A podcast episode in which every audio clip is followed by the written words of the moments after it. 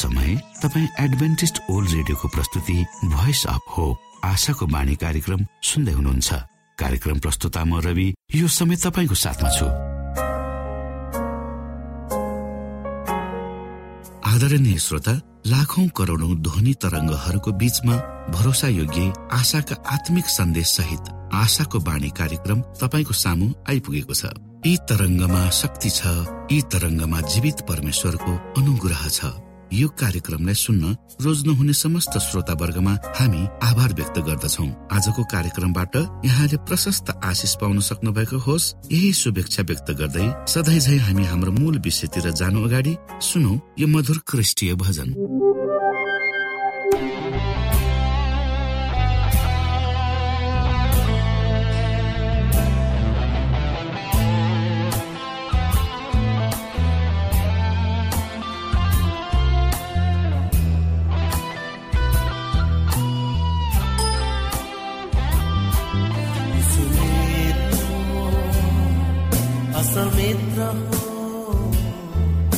Sumero hasta el metro.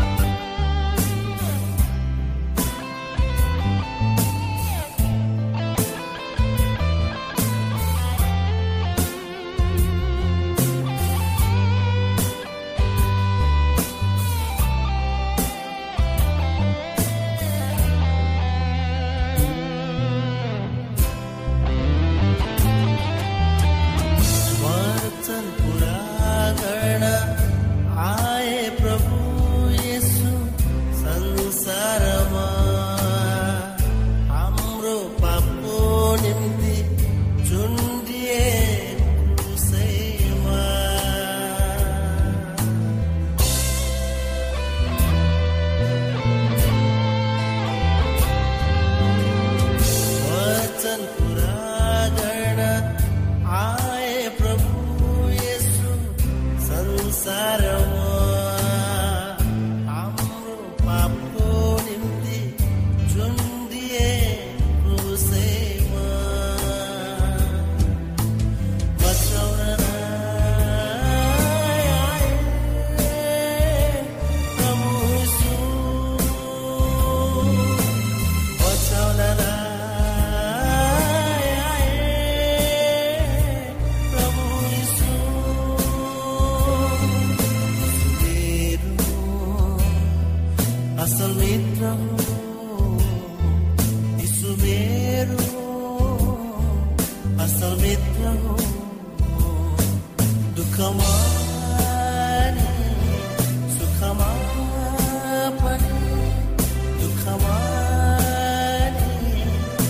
சமா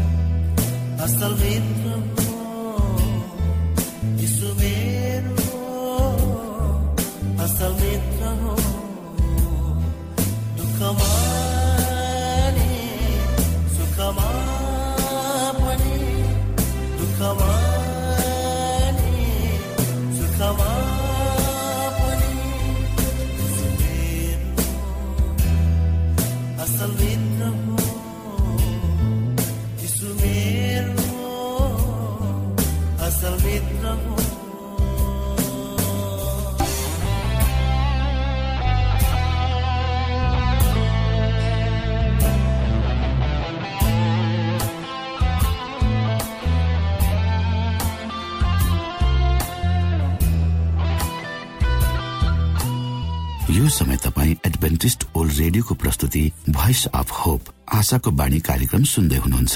श्रोता मित्र यो समय हामी पास्टर उमेश पोखरेलबाट आजको बाइबल सन्देश सुन्नेछौ।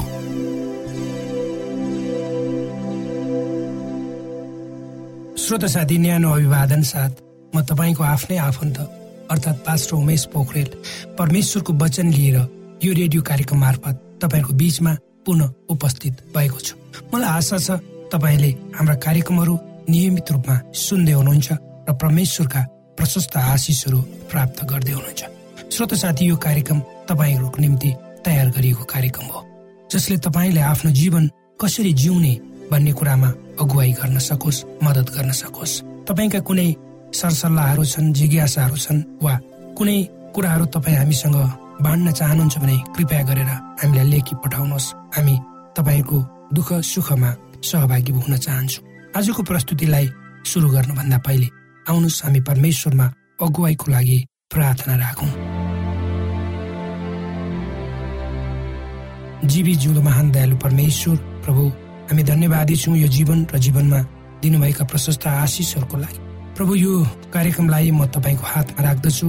यसलाई तपाईँको राज्य महिमाको प्रचारको खातिर यो देश र सारा संसारमा प्रयोग गर्नुहोस् ताकि धेरै मानिसहरूले तपाईँको ज्योतिलाई चिन्न सक्नुहोस् र तपाईँको राज्यमा आउन सक्नुहोस्। सबै बिन्ती प्रभु यीशुको नाम। आमेन।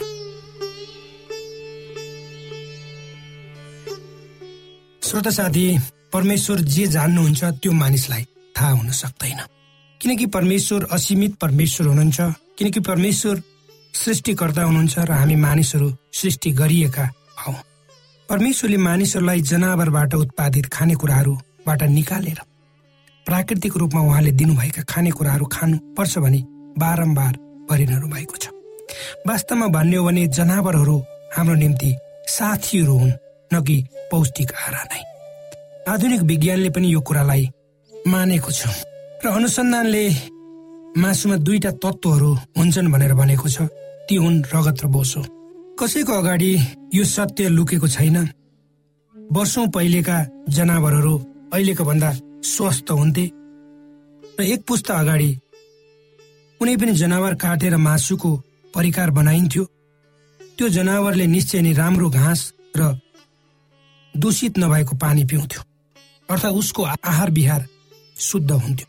तर आज यी जनावरहरू धेरै जसो दूषित एवं प्रदूषित ठाउँमा समय बिताउँछन् र प्रदूषित खानाहरू खाँदैछन्। यी जनावरहरूलाई उच्च प्रोटिनको मात्रा भएको खाना पुनः प्रशोधित गरिएको खानाहरू र शक्तिशाली एन्टिबायोटिक्सहरू दिइन्छ जसबाट यिनीहरूको वृद्धि छिटो हुन सकोस् र त्यसबाट छिट्टै लाभ लिन सकियोस्। यस्ता जनावरहरूबाट उत्पादन हुने मासुहरूमा चार गुणा बेसी बोसोको मात्रा पाइन्छ। अब हामीले खाएको मासुबाट प्राप्त हुने बोसोले हाम्रो शरीरलाई के गर्छ?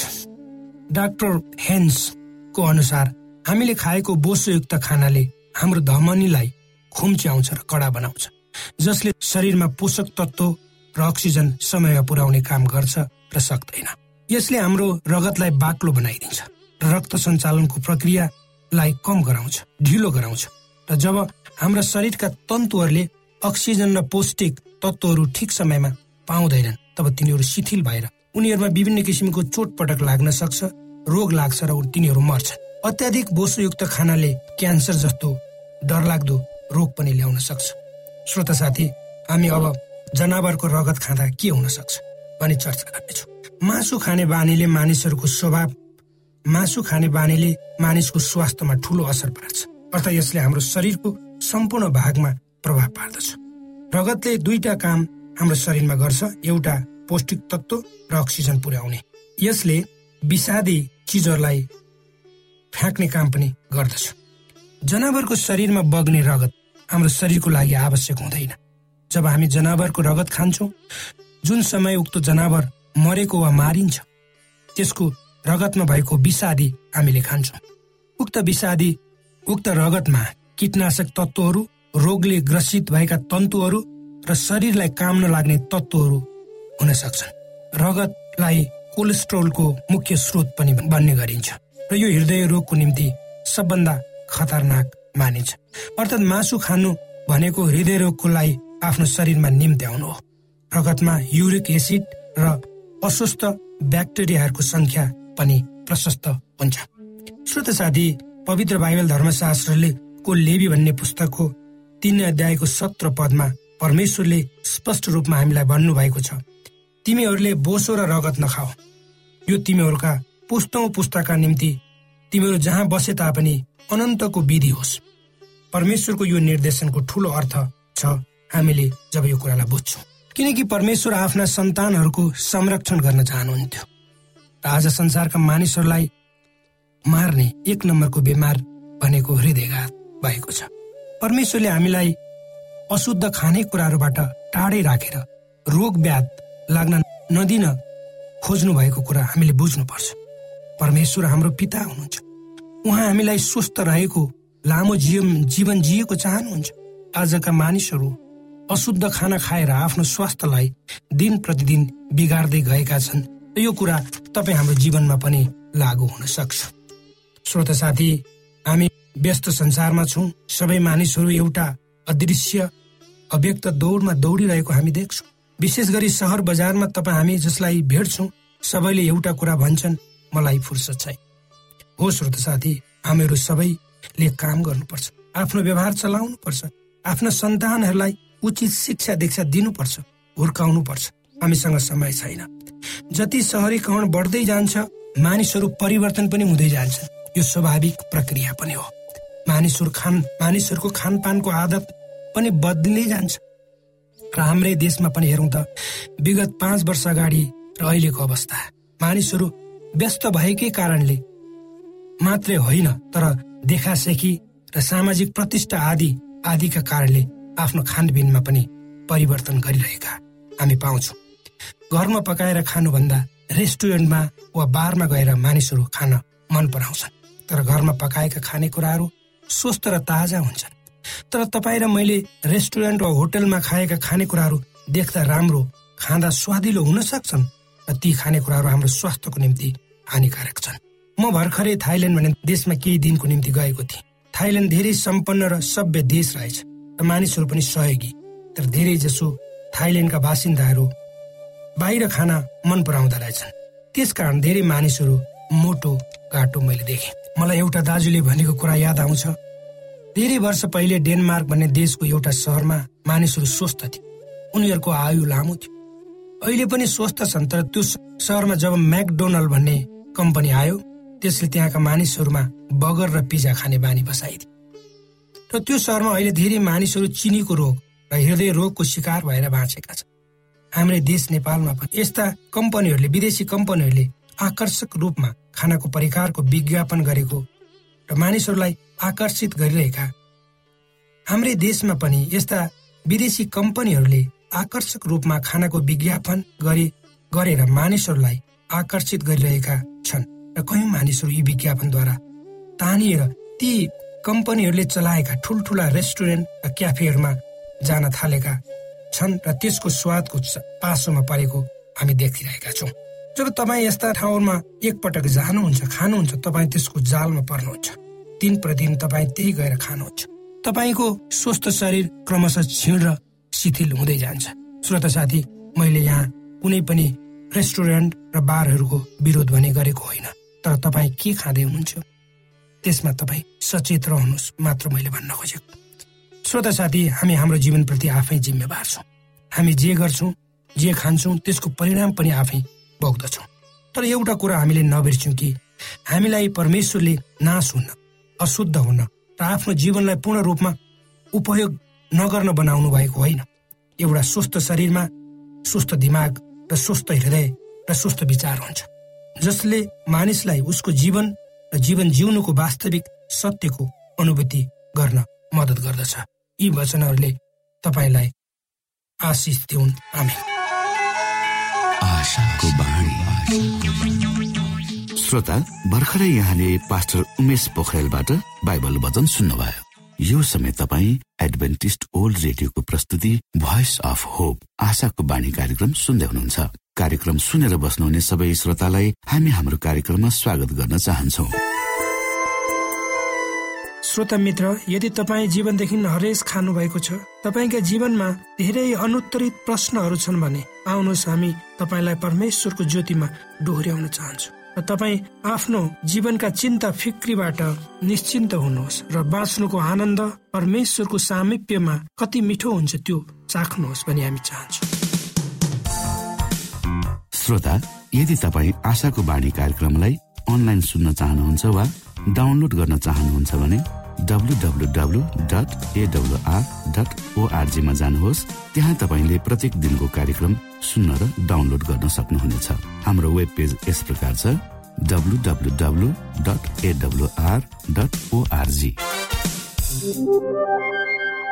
श्रोता यदि तपाईँ हामीसित सिधै फोनमा सम्पर्क गर्न चाहनुहुन्छ भने हाम्रा नम्बरहरू यस प्रकार छन्। अन्ठानब्बे एकसाठी पचपन्न शून्य एक सय बिस। अन्ठानब्बे एकसाठी पचपन्न शून्य एक सय बिस। र अर्को अन्ठानब्बे अठार त्रिपन्न पन्चानब्बे पचपन्न। अन्ठानब्बे अठार त्रिपन्न पन्चानब्बे पचपन्न। यो आशाको बाणी रेडियो कार्यक्रम हो। म धनलाल राई यहाँहरूलाई यस कार्यक्रममा न्यानो स्वागत गर्दछु। आजको समसामयिक विषयको प्रस्तुतिका साथ मिना राई। श्रोत साथी उद्देश्य प्रेरित पुनर्जन्म देश देश आवरका आत्मा परिवर्तित कथाहरूमा आजको कथा यो यो सिमरे विश्वासद्वारा जिउनु थाइल्याण्ड दक्षिण पूर्व एसिया।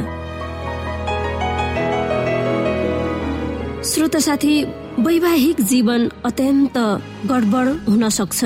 भारतबाट आएको यो यो हाई स्कुलमा पढाउँथ्यो। उनको श्रीमती फिलिपिन्स मुल्की हुन्।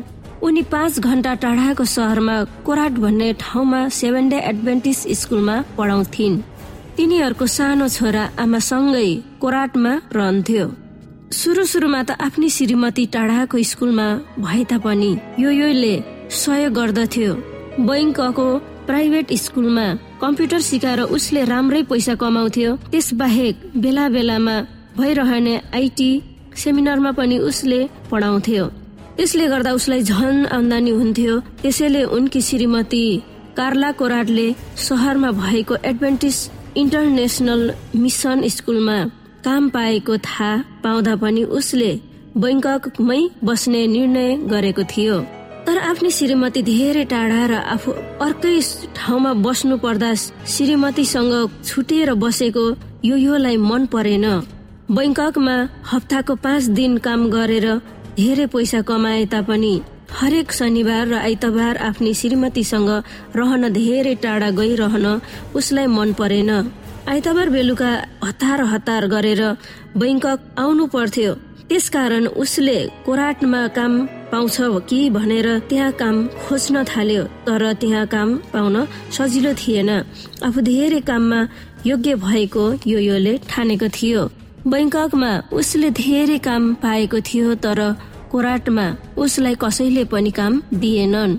उसले धेरै ठाउँहरूमा पढाउन दरखास्त दियो तर कुनै स्कुलले पनि उसलाई लिएन। एक फेरा कोराटको एउटा स्कुलले यो योले काम गरेको स्कुलमा उसको बारेमा जानकारी लिन खोज्दा यो योले त्यस स्कुलमा काम गर्ने सम्झौता गरेको छ भनेर जवाब दियो। तीन वर्षसम्म कोराटमा काम गर्ने कोसिस उसले गर्यो तर यो योले काम पाएन। श्रोता साथी आफ्नो जीवनको प्राथमिकताको बारेमा यो योले सोच्न थाल्यो। ऊ भारतमा एडभेन्टिस चर्चको पास्टरको परिवारमा हुर्किएको थियो तर जब उसले कलेजको पढाइ सक्यो तब उसले साबतको बारेमा ध्यान दिन छोड्यो। थाइल्यान्डमा बसेकी उनको दिदीले उसलाई बोलाएपछि ऊ त्यही बस्न गयो। अनि फिलिपिन्सकी एडभेन्टिस महिला कार्लासँग उसको भेट भयो तब उनैसँग उसको विवाह भयो। आफू पास्टरको छोरो भएकोले आफू चाहिँ चर्च जान बाध्य भएको जस्तो गरेर चर्च जान्थ्यो तर परमेश्वर प्रति उसको झुक्खा भएकोले ऊ चर्च गएको थिएन।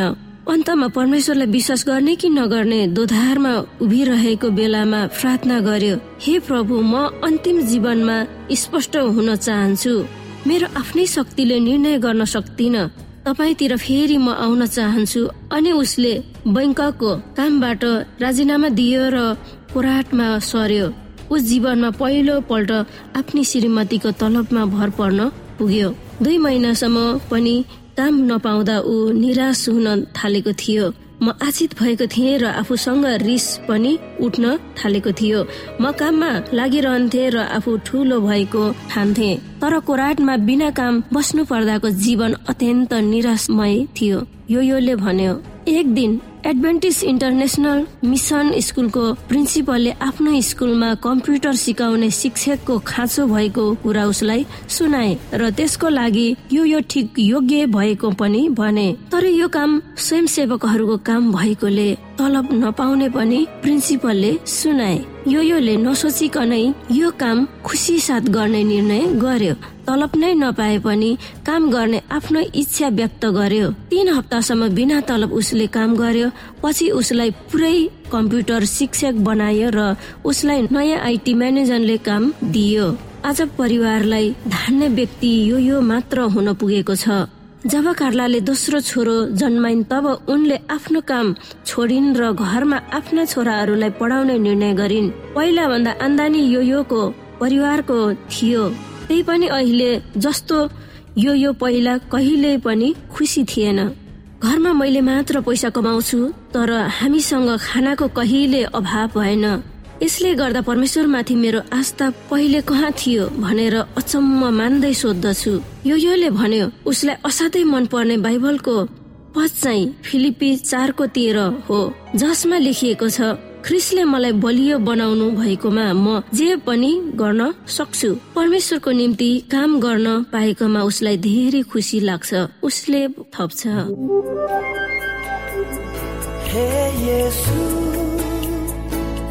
मेरो एउटै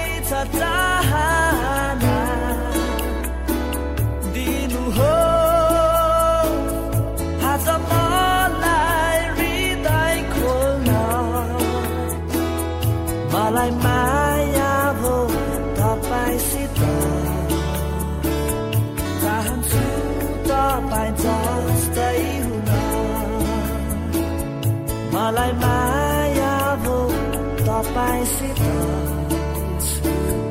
चाहन्छु तपाईँ जस्तै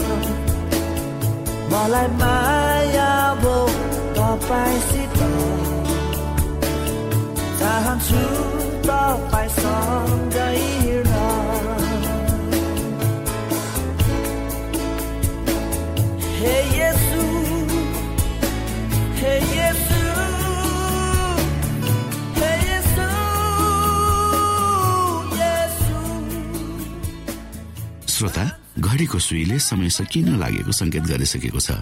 श्रोतासँग अरू समय बिताउने चाहना हुँदा हुँदै पनि हामीले कार्यक्रमबाट विदा माग्ने समय आइसकेको छ। हाम्रो कार्यक्रमको विषयमा जानकारी लिनको लागि हाम्रो कार्यक्रममा सम्पर्क गर्नका लागि हाम्रो ठेगानाको बारेमा यहाँलाई जानकारी गरौं। आशाको बाणी पोस्ट बक्स नम्बर दुई शून्य शून्य शून्य दुई काठमाडौँ नेपाल। यसै गरी श्रोता यदि तपाईँ हामीसित सिधै फोनमा सम्पर्क गर्न चाहनुहुन्छ भने हाम्रा नम्बरहरू यस प्रकार छन्। अन्ठानब्बे एकसाठी पचपन्न शून्य एक सय बिस। अन्ठानब्बे एकसाठी पचपन्न शून्य एक सय बिस। र अर्को अन्ठानब्बे अठार त्रिपन्न पञ्चानब्बे पचपन्न। अन्ठानब्बे अठार त्रिपन्न पञ्चानब्बे पचपन्न। श्रोता तपाईँ हामीलाई इमेल पनि गर्न सक्नुहुन्छ। हाम्रो इमेल एड्रेस यस प्रकार छ। Nepal at AWR dot ORG Nepal at AWR dot ORG यदि तपाईँ हामीलाई अनलाइन सुन्न चाहनुहुन्छ वा डाउनलोड गर्न चाहनुहुन्छ भने तपाईँ W W W dot AWR dot ओआरजीमा जानुहोस् र त्यहाँ तपाईँले हाम्रो सबै कार्यक्रमहरू सुन्न सक्नुहुनेछ। हवस् त श्रोता हाम्रो कार्यक्रम सुनिदिनु भएकोमा एकचोटि फेरि यहाँलाई धन्यवाद दिँदै भोलि फेरि यही स्टेशन र यही समयमा भेट्ने बाजा गर्दै प्राविधिक साथी राजेश पास्टर उमेश पोखरेल र कार्यक्रम प्रस्तुता म रवि यहाँसँग विदा माग्दछौ। परमेश्वरले तपाईँलाई धेरै धेरै आशिष दिनु भएको होस्। नमस्कार।